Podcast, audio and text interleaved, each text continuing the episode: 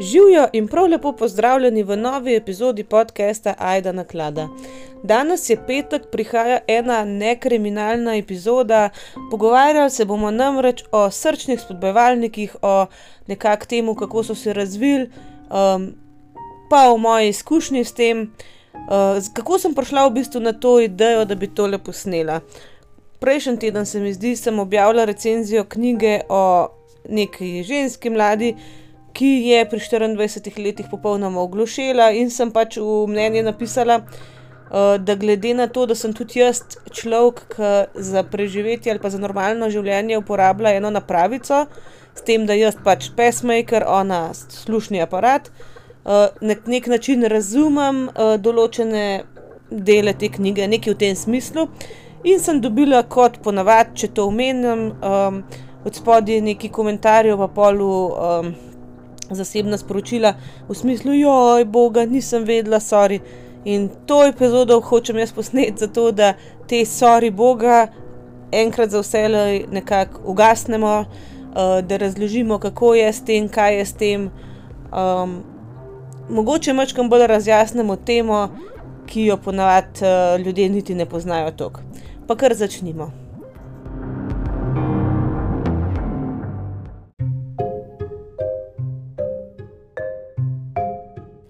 Najprej čisto osnovna stvar. Pesmaker bom jaz govorila kar s tem izrazom, ker je krajši, oziroma srčni spodbojevalnik, kaj to sploh je. Ne? To je naprava, ki v bistvu pomaga srcu ohranjati normalen ritem, čist po, po domače povedan. Uh, obstaja zdaj še tudi ena druga naprava, ki se ji reče defibrilator, ampak ne ta defibrilator eksterni, ki visijo recimo na na stenah raznih trgovskih centrov, uh, sem tudi posnela, jaz sem video o uporabi tega. Ampak uh, ta defibrilator, ki se ga lahko ustavi isto v telo, kot pesmaker. Uh, zdaj točne razlike jaz ne vem, ker jaz imam pesmaker, ne defibrilator, ampak mislim, da osnovna razlika je ne me zdaj za besedo držati, da v bistvu pesmaker pomaga, ko je ritem prepočasen. Uh, defibrilator pa pomaga pri hudih aritmi, aritmijah, se pravi, ko uh, je ritem pade tok izven normale, da je treba pač. Uh, dati neki impuls, da ga nazaj umiri ali pa vzpostavlja normalen ritem. Če sem prav razumela to, kar sem googlala, ampak vse kot vam pravim, jaz v defibrilatorjih teh zaustaviti ne vem ničesar, ker ga nimam. Velikrat ljudje to mešajo, velikrat so me skušali kar prepričati, da to jaz imam, ampak ne, jaz imam pesmaker oziroma srčni spodbojevalnik. Zdaj obstaja več različnih vrst spodbojevalnikov. Eh, recimo, mislim, da se reče enokomorni ali pa dvokomorni, se pravi, odvisno, ali imaš eno elektrodo ali dve. Uh, se pravi, uh, jaz imam dve elektrodi, se pravi, v prekate in pretine se mi zdi, da greš ta, um, ne vem spet kam točen. Ker konec koncev nisem jaz tam zato, da to vem, ne, so moji zdravniki. Ampak ja, lahko imaš pa z eno elektrodo ali pa z dvema. Potem so pa tudi zdaj ti modernejši, uh, ki že tudi omogočajo uh, magnetne resonance, ki so odporni na to, kar recimo jaz z mojim pesmakerjem ne smem imeti na magnetno resonanco. Naprimer, to je ena od stvari, ki jih bom pol kasneje povedala, še pač omejitve, ki jih ni veliko, ampak nekatere pač so. V glavnem, to je naprava, ki v mojem primeru uravnava ritem srca. Zdaj, um, kako sem jaz prišla do spovevalca, bom kasneje povedala, zato da boste tudi razumeli, zakaj ga rabim. Mogoče bi na tej točki samo dala malo urisa, kako se je ta stvar razvijala skozi zgodovino. Se pravi, srce je seveda tisti organ, na katerega moramo poleg možganov zelo, zelo paziti, seveda. Um, na vse druge tudi, ampak srce pa možgani se mi zdijo tako najpomembnejši skoraj. In uh, že leta 1950, oziroma v 50-ih letih, no, uh, so razvili um, prvi spodbojevalnik, ki je bil v bistvu z nekimi kabli povezan na srce, vagal je več kot 70 kg. In ta človek, ki ga je pač imel, je vozil to zadevo za sabo na enem vozičku, kot na enem, kaj jaz vem, pač skozi je hodil, ho, mogel to za sabo voziti, tako da tukaj je ne kvaliteta življenja, kakšna je bila, boh pomagi. Uh, to je bilo res ogromna stvar, to ni bilo tako, kot če vidite koga, ki vozi za sabo ta kisik. Recimo, uh, potem so že kasneje v tem istem desetletju razvili en manjši model, ki je bil še vedno zunaj telesa, se pravi, um, bilo je bolj tako kot en tranzistor, ne imel ga je človek v torbici, naprimer, uh, ampak uh, vseeno, dosta velika stvar, od zunaj je bila nerodna, najbrž predstavljam si, da tudi ne vem, kopati se, plavati, tako naprej nisi mogel, ne. Spet kvaliteta življenja, hm, ne. Uh, potem so pa leta tisoč devetsto oseminpetdeset, se pravi, to se je kar hitro razvijalo, v bistvu um, razvili prvi spodbujevalec, ki so ga lahko v celoti implantirali, se pravi, v celoti vsadili v človeško telo in recimo do leta 2015 se ta zadeva v resnici ni kaj dosti spremenila, kar se svoje oblike tiče, pač eh, postajala je če dalje manjša. Um, In, uh, in lažja, predvsem, recimo, če pogledamo primerjavo, a ne leta 58 je stvar tehtala ta, ta prva ustavljena, um, 73 gramov, potem leta 81 55 gramov, eh, 95 leta 14 gramov, zdaj 29, recimo je bila malo težja, spet 23 gramov. Um, in uh, zdaj leta 2013 je bila stvar težka samo še 2 grama. Zakaj? Ker v bistvu 2013, 2016 tam nekje so že razvili prvi brežičen srčni spodbujevalnik, se pravi, recimo ti prejšnji, a ne, pa ta, ke ga imam jaz, ne, so narejeni tako, da v bistvu ti na pod ramo, kako naj to rečem, pod ključnico, no, na sprednjem delu telesa, imaš vstavljeno, reče se baterija, v bistvu to je srčni spodbujevalnik kot tak, napravca, ne, iz katere potem v žilo, a ne, spustijo, po žili spustijo, pač elektrodo ali elektrodi, ki gresta pol v, srce, a ne. recimo ta leta dva tisoč šestnajst razviti brezžični spodbujevalnik, je pa v celoti implantiran v srce, se pravi, je cela napravica v srcu, majhna zadeva je, po neki brezžični tehnologiji se potem odčitava zadeva. jaz, se pravi, pravim, tega nimam, tudi ne vem, če bi želela imeti, no. Nekako te, ne vem, moja preferenca osebna, no. v prihodnosti pa razvijajo tudi pač brezžične, seveda, pacemakerje in celo take, ke jih ne bi bilo treba več, ne bi bilo treba več menjati baterij, ampak bi jih v bistvu napajala njihovo energijo, bi polnila v bistvu energija srca, ne. Pač ob bitju srca bi se, baterija samodejno ponovno polnila. Takšna je premisa za naprej. zdaj trenutno se baterije seveda še menjajo, spet kaj o tem bom povedala še naprej. Mogoče to je bil samo en tak uvod, zdaj pa, če gremo kar na mojo zgodbo, zakaj, od kdaj in tako naprej, ne, imam jaz srčni spodbujevalec.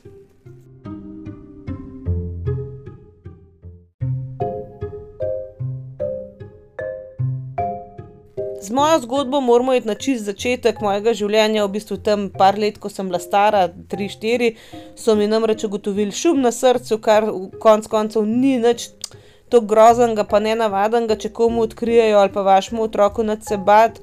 Velikokrat je to prehodna zadeva, ker, kot veste vsi, ke ste kakršnokoli anatomijo človeka imeli na faksu, gimnaziji, tako naprej, med pač prekatoma, ne, srčnima je, pri zarodku pa pri dojenčku na začetku vedno odprtina, ne, ki se potem zaraste, zaradi tega, ker pač v maternici tega dela nekako ne, da ne rabiš, ampak je drugačen sistem, no.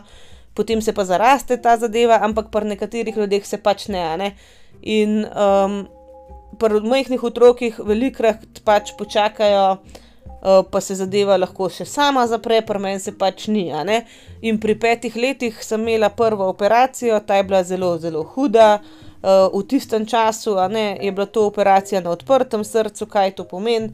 Da so mi morali prežagati tukajle prsnico oziroma rebra umakniti, vzeti pač srce ven, priklopiti na zunanji srčni obtok, dobesedno pač, to luknjo zašiti, a ne, in potem nazaj zadevo vstaviti. Zdaj ne vem, mislim, ne vem, a so čisto sneli srce ven, ali ne.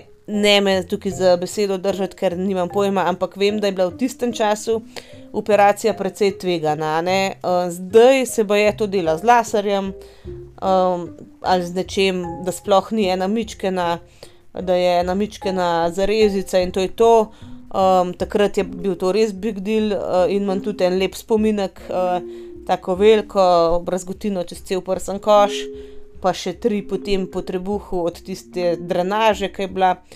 Tako lušten so mi razrezali, ampak nič hudega, ker ne, na ta način so mi rešili življenje in nič ni to groznega bilo za me.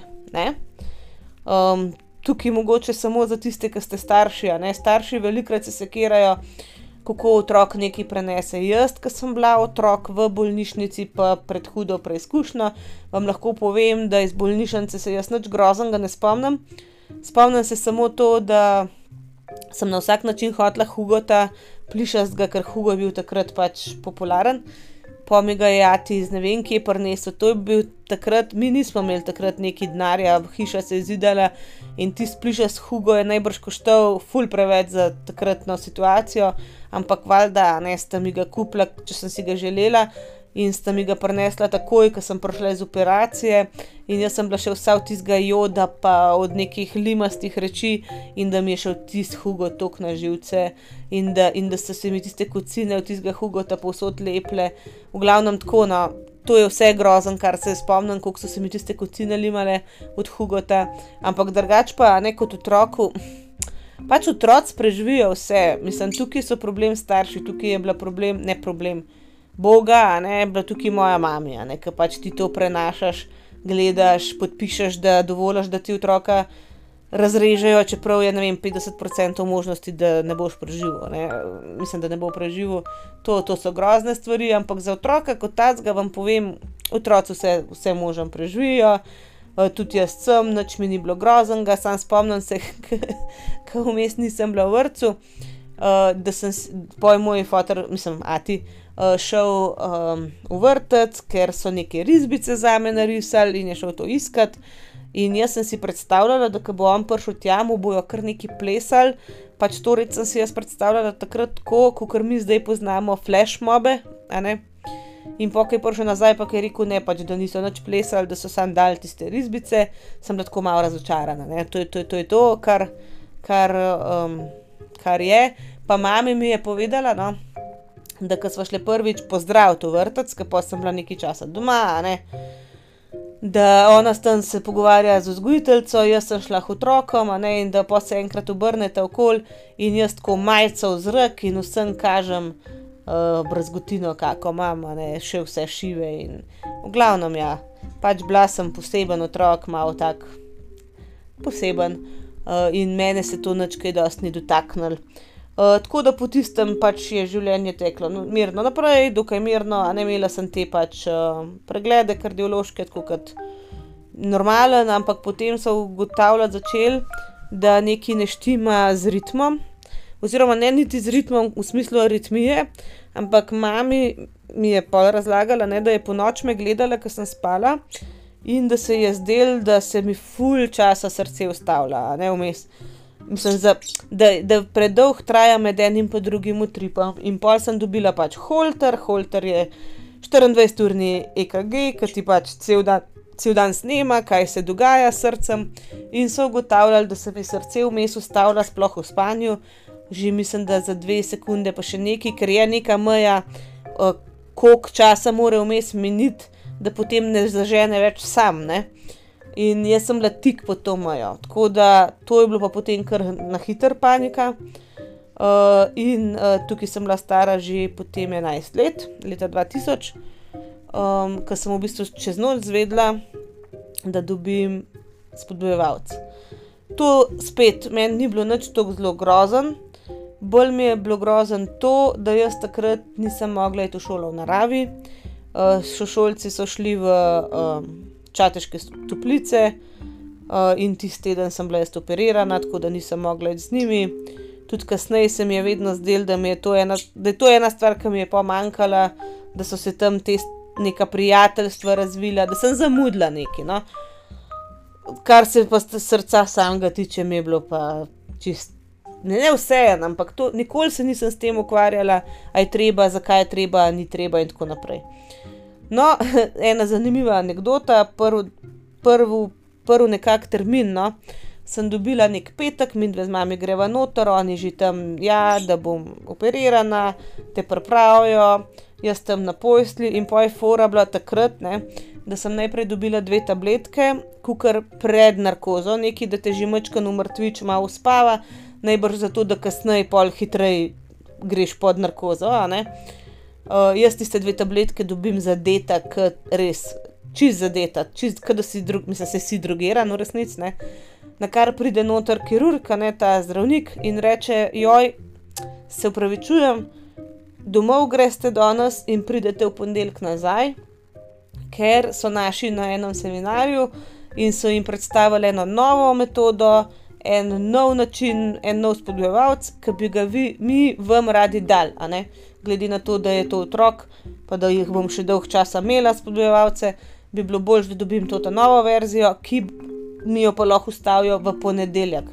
Ok, ful dobro, dobim nekaj novega, ampak takrat mami, mislim, da še ni imela avta, nekaj tacga in sva morala jeti z mestnim avtobusom do ne vem kam, kjer naj jo je pol Ati pobral. In jaz sem šla tista zadeta na bus, to se spomnim, da to je bilo pa res, kot da bi bila pijana, 11 let stara, ampak kot da bi bila pijana na busu, v glavnem grozen.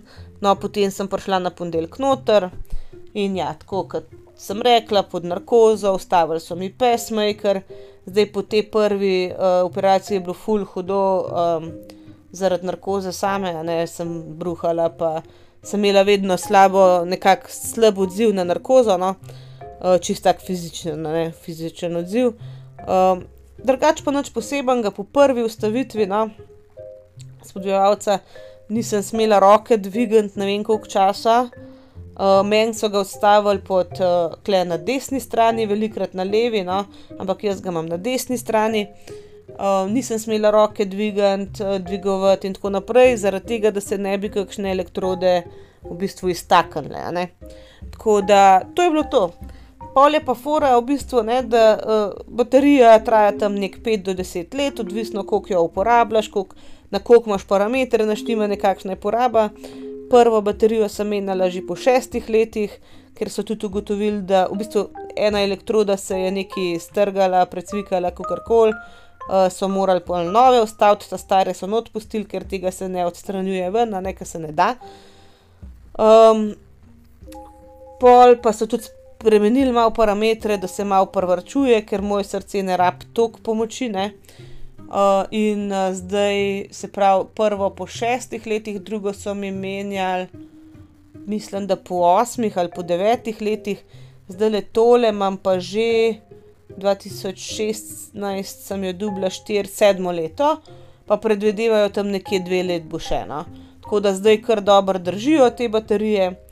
Uh, in to je to, mogoče samo kar se tiče menjave baterije, uh, Eh, pri večini bol, mislim, bolnikov ja, s pesmakerjem se to dela pod lokalno anestezijo, se pravi, se samo odpre ta koža nad bat, baterija, se reče temu, te mašinci. Uh, v glavnem se odpre koža nad pod lokalno narkozo, mislim, anestezijo, koža nad pesmakerjem, se vzame zadevce ven, da druga noter in zapre.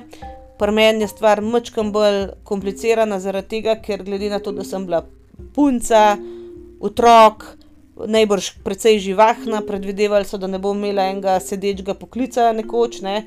Mislim, to so vse stvari, ki so jih oni takrat predvideli in ocenili po tem, kar so pri meni videli, pa veste, kakšna sem bila. Uh, so se odločili meni dati pesmaker pod mišico, se pravi, klele od spredi, uh, če si predstavljate pač pod ključnico.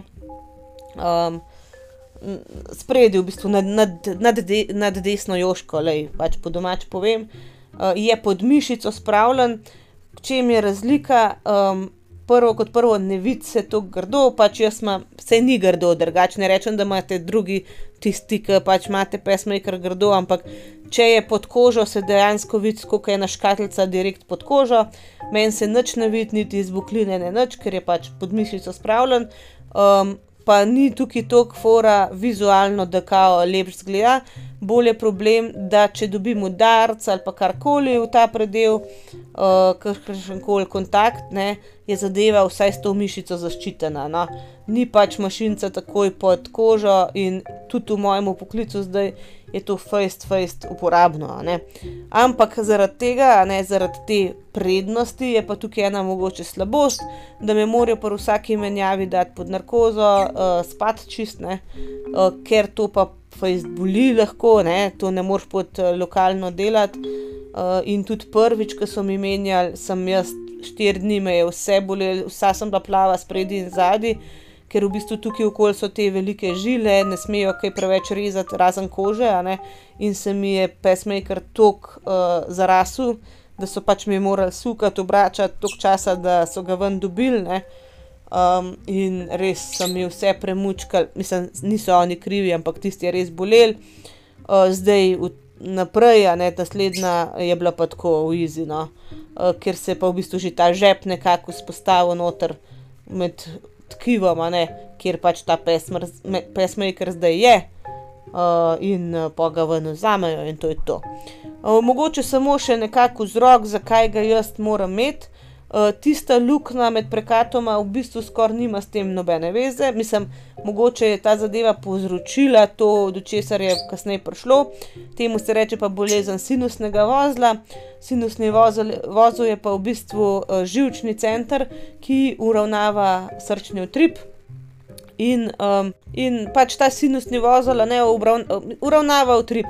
Oziroma, jaz ne vem, če so to lih žilčne celice, mislim, da so to ene mišične celice, ki pač prožijo, ne električni dražljaj. Se pravi, električni tok, ki pol sproži ritem uh, srca. V glavnem, čist nekako po domače, če vam povem, uh, ni recimo zdaj le trenutno, a ne trkam. Trkam, moj srce kot mišica, kot ne, organ, uh, je v redu, problem je v bistvu ni problem hardware, problem je software. No? Kot če bi rekel, programska oprema. V bistvu program za uh, srce, um, za srčen utrip uravnavati nekako šepa. Ne? In v bistvu uh, me, jaz imam kar zato, da če vidiš, uh, če srce, mislim, če zazna, da ali je šlo zdaj prepočas, malo pospeš. Tudi če gre prehiter, ga umiri, a ne, uh, v glavnem skrbi za to, da je neki enakomeren ritem. Je. Um, in to je to, kar se tiče vzroka, kaj, kar se tiče tega, zakaj, kdaj in kako sem ga dobila. Uh, v naslednjem segmentu pa mogoče malo v življenju s tem.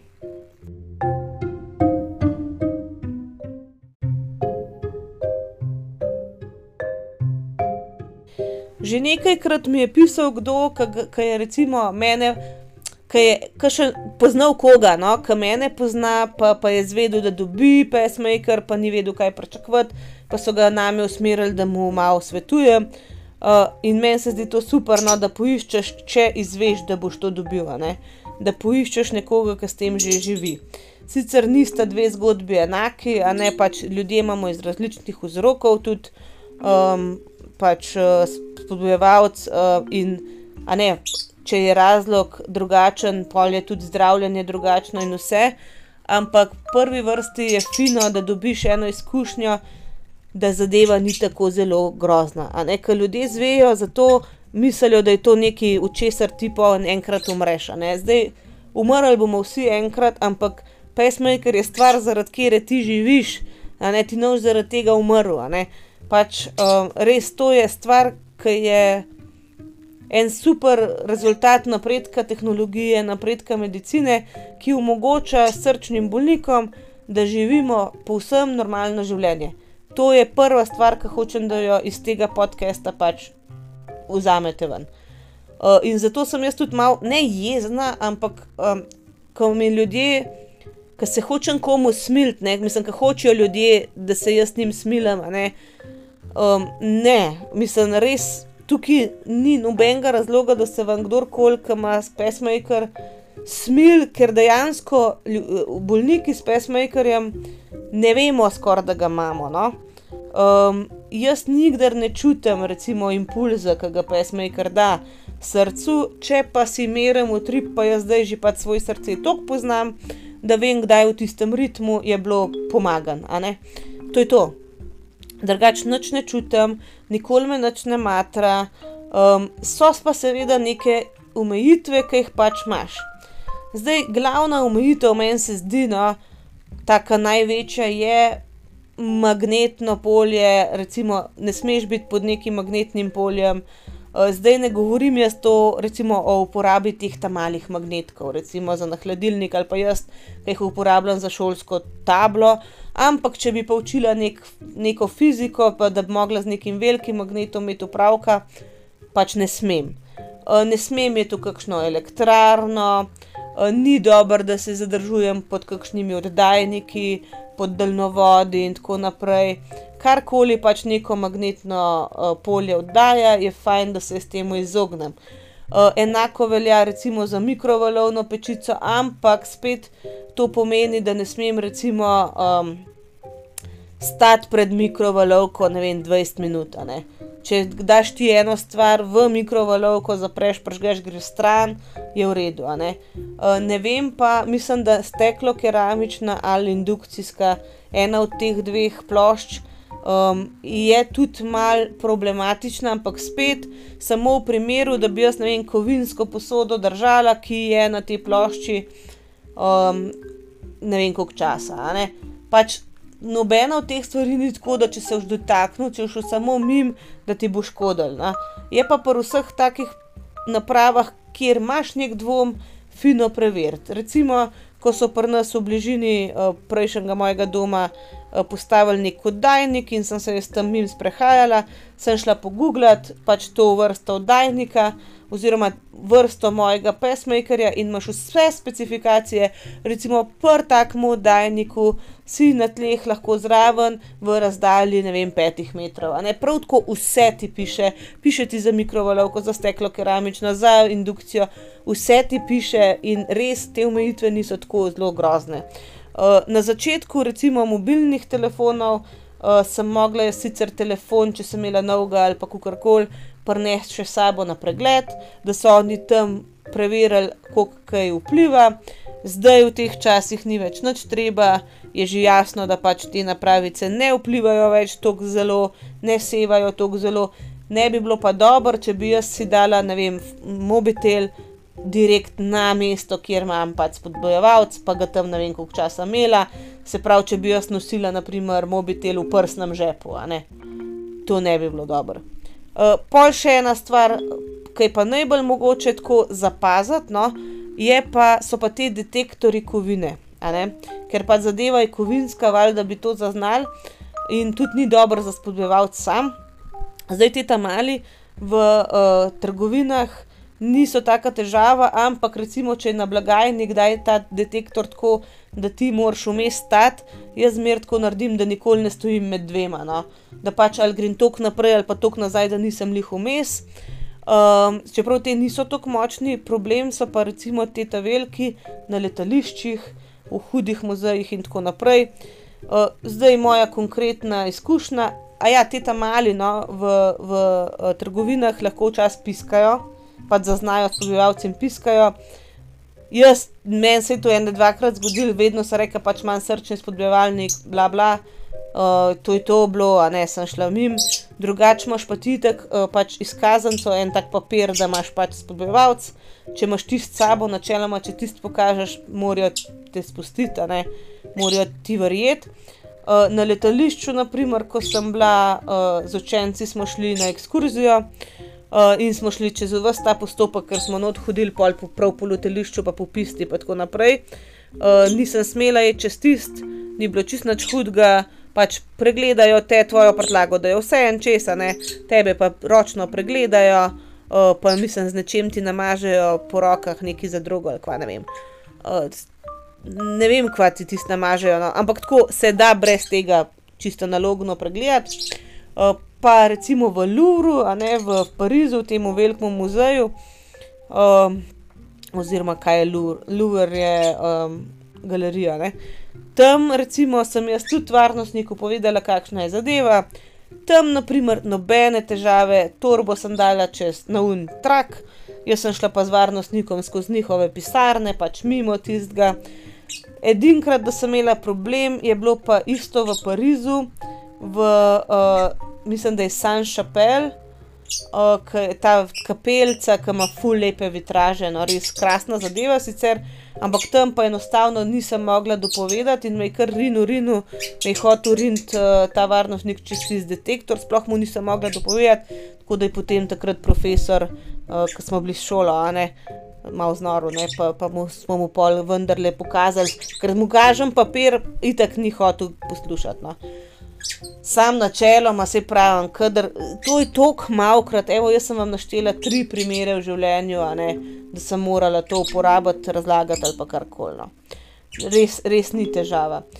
Težava je bila mogoče, kot sem rekla, ne, magnetne resonance ne smem delati, ko sem si kolen nekaj uničila, ko sem si strgala ves je bila edina varianta, da mi naredijo uh, artroskopijo, a ne se pravi, da grejo fizično v koleno s kamero, ker pač ne smejo drugega delati, kakšne magnetne pa to.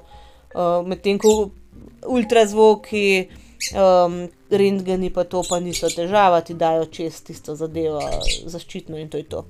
Zakaj so magneti težava? Ne, ker je to v resnici kukar en računalnik, ne, ta napravca lahko v bistvu magnetno polje zmeša, pač računalnik zmeša nastavitve in bi ti lahko res ali ugasnuga ali preveč na šopu ali kukorkoli pač ne smeja. Ne. Tako da prvo poglavitno omejitev magnete smo mi obdelali, samo vse vam pravim, v, v vsakdanjem življenju tega ni, pač ni, ne zaznam tega.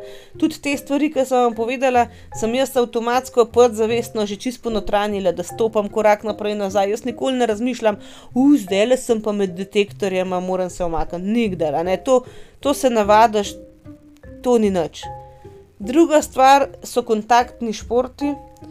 Uh, se pravi, tega jaz ne smem. Ne? Recimo, ne smem uh, kakšnih borilnih veščin trenirati, kakšen uh, ne vem, rokomet ali kaj, kjer bi lahko res dobila udarc v uh, ta predel telesa in poškodovala pesmaker. Po drugi strani je moj poklic skoraj tak, ne? se pravi, da lahko dobim udarc, ampak uh, spet se mi zdi, da podzavestno sem se že navadila tako čuvati, da se umaknem s tem delom telesa, tudi če je kaj tacga in da res ni, ni težave. A ne pač sej udarc pa lahko v kakšni drugi situaciji vsak od ljudi dobi kam, kjer ni fajn, ne? tako da to načeloma res uh, ni problem, uh, pa tudi nikoli v življenju nisem. Nekako uh, si želela trenirati nekega boksa ali pa kaj, ne, da bi me to fulovirali. Zdaj, kar se drugih omejitev tiče, jih pa praktično ni. En, ki je potem dobil spodbujevalec, me enkrat vprašal, a to pa ne smeš nobenega spiti ali pa kaj. Zdaj, tako jaz pa alkohol, tako ali tako nisva, mislim, nikdar nisem neki full rada pila, uh, spijem kakšno pivo, kakšen gin tonik, kdaj ne. Uh, tako zalušt, ampak uh, kar se same neke pijanosti tiče, uh, ne vem, če sem bila kdaj orang, orang, ne, mislim, veliko manj, pa manjkrat kot uh, marsikdo drug, uh, ker meni to osebno ne paše. Uh, zdaj noben ti ne reče, da absolutno ne smeš, ni pa preveč fajn. Ne? Tako, kot ni za nobenega človeka to fajn, uh, tudi za nas, ki imamo spodbujevalce. Um, predvsem je treba pa paziti na stvari, ki ti zmešajo srčni ritem. Se pravi, jaz kakšne Red Bull vodke, pa tega, bi se to noben ne bi smel piti. Meni je to grozen, Red Bull sploh. Jaz Red Bull, naprimer, spijem kdaj kakšnega, ampak tako ne enega. Uh, ker morate tudi pogledati, recimo te energijske pijače, nekatere imajo prav upozorilo, da niso za srčne bolnike ali pa bolnike srčne spodbujevalnikom, ki je odvisen od, um, od tega, katero učinkovino imajo, oziroma katero sestavino imajo, ki pač ti daje energijo. Tako da Red Bull v bistvu sploh še ni niti najhujši strup, ne od teh energijskih pijač, ampak vseeno ne priporočam v smislu pretiravanja, ker sem bila že zraven, ker recimo nekdo v pol ure spil tri Red Bulle in smo mislili, da mu rešilca klicalne. Ko mu je skoraj srce ven zagnal, če bi bil pa to nek bolnik, srčni, kakršen koli, ni treba spodbujevalcem, bi bila pa lahko že huda štala. Ne. Tako da kakršne koli substance, ki vplivajo na srčni tip, utrip, tudi ne vem, prekomerno uživanje kofeina, valjda niso ok, ampak ne, to ne bi smelo biti ok za nobenega od nas, ne? se pravi, ne samo za me. Um, kar se tiče športa, to me tudi velikokrat vprašajo, ja, a pa lahko, a ne. Uh, ja, piše, mislim, pravijo ekstremni športi, ne, ne. Ampak ekstremen šport je zelo, zelo relativna stvar. Jaz trenutno, ko sem totalen couch potato, ne, je zame lahko ekstremen šport, da grem na Šmarno goro. Če bi bila natrenirana, ni zame ekstremno skoraj nič, ne. Ampak recimo neki ultramaratonec najbrž ne bi bila, komot se pa ukvarjam s kakršnimkoli rekreativnim športom brez težave, če se seveda natreniram pa če sem v malo boljši kondiciji, kot sem trenutno, ne. Ampak recimo, ko sem se bolj ukvarjala s športom, ko sem ful več hodila, nisem imela s tem nobenih težav. mogoče sem malo hitreje zadihana, pa edino ena stvar ke ne vem sicer, je s tem povezana, ampak, malo težje prenašam vročino, ne, samo to ni nujno, da je s tem povezano. poleti sem res tako, no, me kar duši tista sopara pa vročina, no. Ampak to mislim, da nima veze s tem, no. tako da v resnici, kar se gibanja tiče, ni nobenih omejitev, no. zdaj razmišljam, če je sploh še kaj drugega, kar bi lahko bila omejitev. Mogoče te osnovne stvari, to me velikokrat sprašujejo, recimo materinstvo, ne, če bi želela imeti otroke, bi jih lahko normalno imela, mislim, takrat enkrat so mi rekli, da pač bi me imeli pod nadzorom pa, v smislu bolj, da ne bi bilo dobro, da sem noseča, mislim, ne smem biti noseča v času, ko se menja pač baterija zaradi narkoze pa tega. tako da če bom hotela kdaj biti, ne, bomo pač malo sodelovali, v smislu, da mislim, natempiramo, to je malo zoprno, ke se ne moreš kar odločiti, kadar ti paše, ne. Ampak, ja, pač to bomo malo sodelovali, če, če bom kdaj na tem. pa kar se poroda tiče, spet, a ne, ekstremen fizični napor, ampak tukaj pa ni nujno, da je recimo carski rez manj naporen za telo kot naraven porod, odvisno, kakšen način, na kakšen način gledamo, v kakšnem stanju bi bila jaz, to se vse takrat pač odločijo. Ker včasih so posegi, a ne, operativni za sam organizem še hujši kot pač neki fizični napor takrat, ne. tako da to, to so v bistvu vse stvari, ke bi se sproti dogajale, dogovarjale in tako naprej. Tako da v bistvu nič ni, dejansko ni nič takega, da bi mi rekli: "Evo, zaradi tega, tega pa tega ne boš smela." Edina stvar, ke je, mogoče to, kar je mene zelo veselilo, še vedno me, samo zdaj se pač po sili razmer ne ukvarjam več toliko s tem, na primer gasilstvo, ne. če bi jaz sem operativni gasilec, ampak nimam recimo dihalnega aparata, sem samo za zunanji napad. In če bi hotela dobiti pač zdravniško potrdilo za operativca, ga ne bi dobila, ne. Ga ne bi dobila recimo za v požar in tako naprej za dihalni aparat, ker, ker pač srčni bolnik takoj odpadeš. Če bi hotela iti v kakšen tak poklic, ne vem, policijo, vojsko, ker to, to so stvari, ke so mene zanimale, ne. Mislim, ne toliko kot to, kar zdaj počnem, ampak recimo, ne, to so stvari, ke pri meni odpadejo, ampak ja. Drugače pa, kar se vsakdana tiče, nič, prav nič drastičnega ni, česar jaz ne bi mogla početi ali pa biti zaradi tega, da ker imam pač pacemaker, a ne. Zdaj, kar se tega srca tiče, je pri meni samo še ena stvar, ke se reče preventiva bakterijskega endokarditisa, kar pomeni, da moramo pač paziti, da ne pride do bakterijskega endokarditisa. Bakterijski endokarditis je v bistvu stvar, da nekako bakterija pride v srce, in mislim, da pol ali eno vnetje srčne mišice ali kaj že pride, oziroma pride do nekako, okužbe, do okužbe teh sluznic pač, pač srca, ne.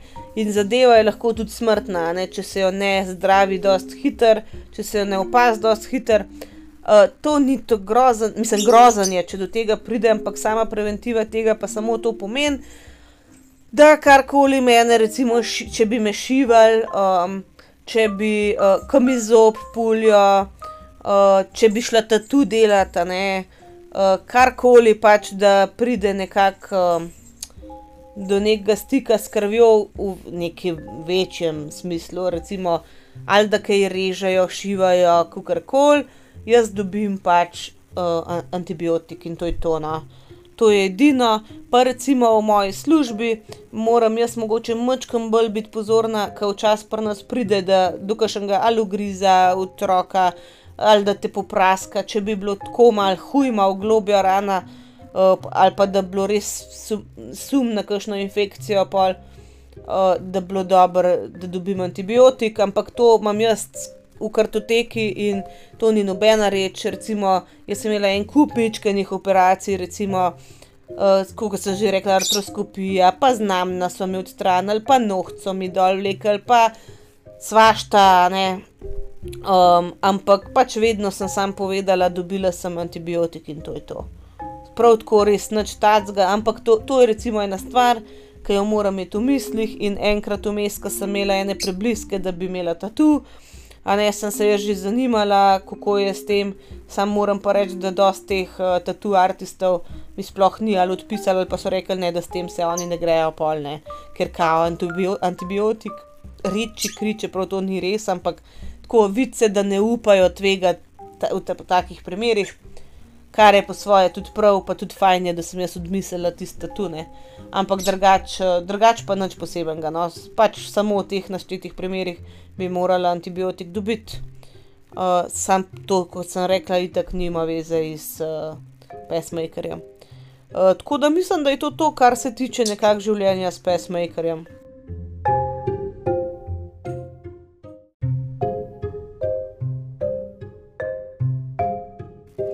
Jaz zdaj fejst razmišljam, če sem kaj spustila, kaj, da bi vam še povedala, mogoče samo to, no, da sem ga jaz dobila, um, sem bila zelo med mlajšimi, med mlajšimi pač uporabniki. Jaz sem takrat bila nekako v enem društvu bolnikov z srčnim spodbujevalnikom, se ne vem, sem še kar članjena, pojma nimam. Ampak vem, da smo imeli neka srečanja, to so kar gledali, pa oh, najmlajša, najmlajša. Ne ker to morate vedeti, ne, to so večinoma precej starejši ljudje, ki ga dobijo ali zaradi popuščanja, ponovadi zaradi popuščanja srca, ne, ali pa kaj, ki je pač ritem prepočas zaradi tega. Uh, čeprav zdaj je veliko več tudi uh, že pri mlajših, tudi uh, ena moja sorodnica, uh, ki je rodila, je punčka, kmalo po porodu ga dobila takoj, uh, ko so videli, da ga rab. Ampak to ni nič tacga v resnici. No. Pač res nič tacga. Jaz mislim, da je dejansko manj težav s tem, eh, kot pa recimo imeti slušen aparat. Mislim, ne, da jim biti realni. Ne? Če zdaj meni to crkne ali pa če slušen aparat crkne, se ne da jaz umrem zdaj jutrne, ampak dolgoročno je za me veliko hujš posledica, kot pa če ti ne slišiš. Čeprav, čeprav to, da ti ne slišiš, je pa za vsak dan huj. Ne? Pač to je res dvorezen meč, ampak za preživetje, samo fizično mogoče je to hujše, ampak za vsakdanje življenje je pa gotovo bolj zoporen imeti slušen aparat. Recimo, pa ki moraš ti skozi gledati na baterije, pa ti skozi menjati, pa če ga daš na, ne vem, na nek servis, pa ga nimaš, pa si vas bos. Jaz s tem nimam težav, pa če zdaj tako, a ne v normalnih časih, se pravi, vmes med dvema baterijama, imam jaz na približno en let pa pol um, pregled, pridem tja se uležem, oni mi dajo krtko čez majico gor uh, na, na kožo, na kožo eno tako napravo, kot je eno računalniško miško, ki prebere delovanje pesmakerja, uh, zdravnik, zdravnica pač učita. Uh, na računalniku, kako zadeva deluje, pogleda zgodovino do, prejšnje, uh, do, prejšnje, um, te, do prejšnjega pregleda, um, če je bilo kaj posebenega, vidi, če je bilo kaj posebenega, ker velikrat je kaj. Naprimer, enkrat smo šli v Brdih na 35 stopinjah, ful je bilo vroče in ful delc, mislim, ne toliko delc kolesa, kot je bil klanc. In takrat je dejansko bil pač dogodek, ker sem imela 300 utripa, koka ne. In je pol pesmaker umiril, a ne. Um, take stvari se vidijo. Um, in pol ti naštela, če je treba kaj naštelati, pač popravi drugače pa pač pove, koliko imaš še baterije in to je to. To je to, enkrat na en let pa pol. Zdaj, uh, zdaj ne, recimo zdaj le gre ta baterija počasi k koncu, je pisal, ne vem, 1,7 do 5 let ali do 4 leta, to je full velik razpon, tako da realno bo najbrž še ne 2 leta, ne. in imam, naprimer, um, zdaj le imam novembra pregled, pol pa predvidevam, da bom imela že na pol leta, ne, ker skušajo čim več baterije porabiti, ne, bojo oni kar menjali, če piše, da je še za ne vem, dve let, ne, lahko. Po, ampak pa imaš pa pogostejša, ne, zato da ne bi slučajno zamudil. Uh, in pol, ki ti jo zamenjajo, ki ti jo menjajo, si eno noč, mislim, da v bolnici ali pa včasih še to ne, uh, en teden bolniške, sam zaradi dvigovanja v resnici, pa zato, da se ti rana zacel. Pa je pa to to, ne? in pol, po, ne, po menjavi imaš spet, mislim, da na dva meseca pregled, zato da vidijo, če vse normalno deluje, pa pa spet na dve let, na en let pa pol. Pač tako, nič vse skupno. Um, In zato so mi ti komentarji, joj, boga, o, revica, o, srček tvoj. Noč mi ni, a ne pač z mojim srcem, noč ni, um, živim normalen, noč ne vem, zato pač res ni primeren odziv, boga, boga. Um, pa ne zato, da bi jaz užaljena, kam je en reče, da, da sem boga, ampak ker nisem, in meni gre včasih na živce, ki delamo big deal, ne samo v mojem primeru. A ne jaz veste, da delam z otroki s posebnimi potrebami, pa imaš pa ne vem, tam enega otroka z Downovim sindromom ali pa pač na splošno, ne vem, uh, s kakšno motno duševno razvoju, pa ojoj, bogi revček. Ne, dokler človeka nekaj ne boli, nekaj ne matra, dokler ne trpi, ni bogi. Pač, če si srečen, če si zadovoljen, če živiš nek zadovoljen življenje, ne moreš biti bogi. In pa, pa rečem, zakaj so vem, moji učenci, zakaj so pa bogi, ja, pa nikoli ne bo imel službe. Ja, pa on hoče službo, ne? mi hočemo službo za njega ali pa normalen life. Njemu je pa ta življenje, ki ga ima zdaj, če tistim, ki je, ne, čist super, ne? mi moramo gledati, kaj tista oseba želi, ne? ne pa kaj mi mislimo, da bi zase želeli. In tudi jaz ne vem, ni razloga, da bi, da bi bila Boga ali pa whatever. Je mrzkdo bolj bogi, ki je čist zdrav, pa ima neka pričakovanja v življenju, ki se mu ne uresničijo. Ne? pač jaz dejansko nimam nobenih omejitev, nič, nič, no, res nimam kaj reči. No, v službi delam normalno, ne vem, fizično sem dost sposobna, ne vem, močna, kako koli in ni nobenih omejitev in nobenih razlogov, da bi bila karkoli Boga ali pa karkoli. No. Zato sem pač tudi posnela današnjo epizodo, um, da se te stvari malo razjasnijo, kakšen tabu malo razjasne, je pa tudi nekaj res, ne? da velikrat dobijo spodbojevalnik res starejši ljudje, ki imajo nek srčen popuščanje, ki so že tako švohnej, ki meni veliko ljudi reče, sploh se ti ne vidi, da ga imaš. Ja, sej to je point, ne. To je point, da se ti ne vidi, ker če bi jaz bila še vse neka reva tam, pa neki ni v redu, ne. Pač poanta tega je, da sem jaz to dobila, zato da živim normalen life in, in tako jaz funkcioniram. Je pa res ne, da jaz sem v tisti manjšini, ki bomo zamenjali, ne vem, des, ne deset baterij, ta le bo, čakajte, prva, druga, ta bo tretja, ta bo že četrta, zdaj ta zdaj le tretja. Ja, ne vem, koliko baterij še, a ne. Večina ljudi, ne vem, če ima dve, tri baterije, ne če ena baterija traja 5 do 10 let, pa če človek star, ne vem, 70, ki dobi, a ne pa računajte, ne, jaz sem pa, stara 11. Ne. Zato je pač ta razlika, da ni to, a ne, nesmrtna obsodba, ne, ne vem kva, pač res to je čist normalen life. Ne vem, s čim bi to primerjala, pač to je res. Manj kot če tablete jemala, jaz tudi tablet ne jemljem, pač nobene v vsakodnevnem življenju nimam nobene sledi o tem, da je z mano karkoli narobe, se ni v resnici, ne? ampak da, da je karkoli drugače.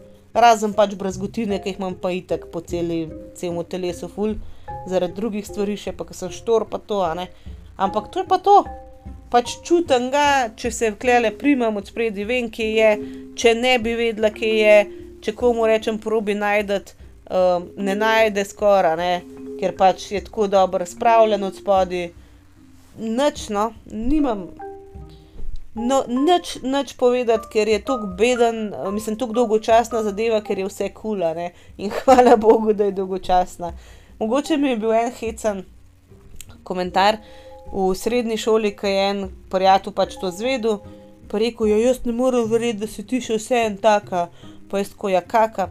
Ja, ti se kar smejiš, pa to. Pa jaz ko ja, pa A ne, sploh ne vem, kaj je mislil. A zdaj, če imaš spodbujevalec, pač moraš tam nek jokat v enem kotu, kako si bogi. Ampak jaz, malo je to tudi problem slovencev, ker imamo zelo radi neke hude zgodbe, kdo je bil bogi, kdo je trpel, zato da ti vidiš, da je eno hujše tebe in si pol ti sam s sabo pomirjen. Ampak žal pa meni ne boste tega dobili, ker z mano čist nič ni, nič mi ne feli in super sem in pač spodbujeval nekaj sam en košček tega, da sem jaz tako super, mislim v svoji koži, kot sem. No. Tako da mislim, da več od tega nimam povedati.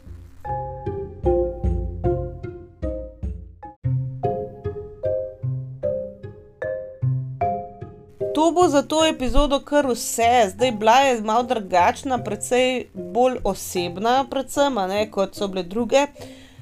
Ampak vseeno sem hotela povedati tudi zato, da se malo zavešča, da se malo govori o tem, uh, da pač dobesedno smo ljudje s pesmakerjem, ki hodimo med vami, čist normalen, ki učimo vaše otroke, ki vam predlagamo knjige za branje, ki snemamo podcaste za vas, a ne pač. Nič posebenega ni to, hvala Bogu, da je šla pač uh, tehnologija in medicina, da sta šle tok naprej, uh, ker ja, ljudje kot sem jaz, mene najbrž ne bi bilo na svetu, če bi se rodila, ne vem, 50, 60, 70 let nazaj, mislim, pred tem, ki sem se, a ne. Tako da, um, ja, nimam kaj reči, ne. Hvala Bogu, da obstaja ta tehnologija, da jaz lahko vam zdaj le tole nakladam uh, in to je to. Mogoče bi bilo bolje, če bi vključila v ta podcast moja mama, da ona pove, kako je bila ona Boga, ne? ker jaz res nisem bila, kako je bila ona, je pa druga stvar. Zato pa tudi tako, ne? če ste se vi kot starš ali pa če se boste ali pa kdo od vaših uh, znašel v situaciji, ki je vaš otrok, recimo v eni zdravstveni stiski ali pa karkoli. Ja, se otrok je bogi, če ga boli, pa če se matra, pa če ni zdrav, itak noben človek, ki je bolan, mu ni prijetno. Ampak mogoče za svojo lastno psihohigieno kot starša, ne, poskrbeti je skoraj bolj važen. Ker otroci, otroci so zanimiva bitja, vse prenesejo, vse preživijo s tako lahkoto in ja. Um, poskrb, poskrbit, poskrbite zase, um, uh, pa boste pol tudi otrokom veliko uslugo naredili, otroci bodo preživeli. Glavno, to je to za današnjo epizodo, poslušamo se naslednji teden. Ba, bila je tale malo drugačna, upam, da vam je bilo všeč. Če imate kaj za komentirati, pridite na Aida Naklada podcast, Instagram profil, uh, mi napišite pod objavo, drugače pa poslušamo naslednji teden. Ostanite do takrat varni, zdravi in čau, čau!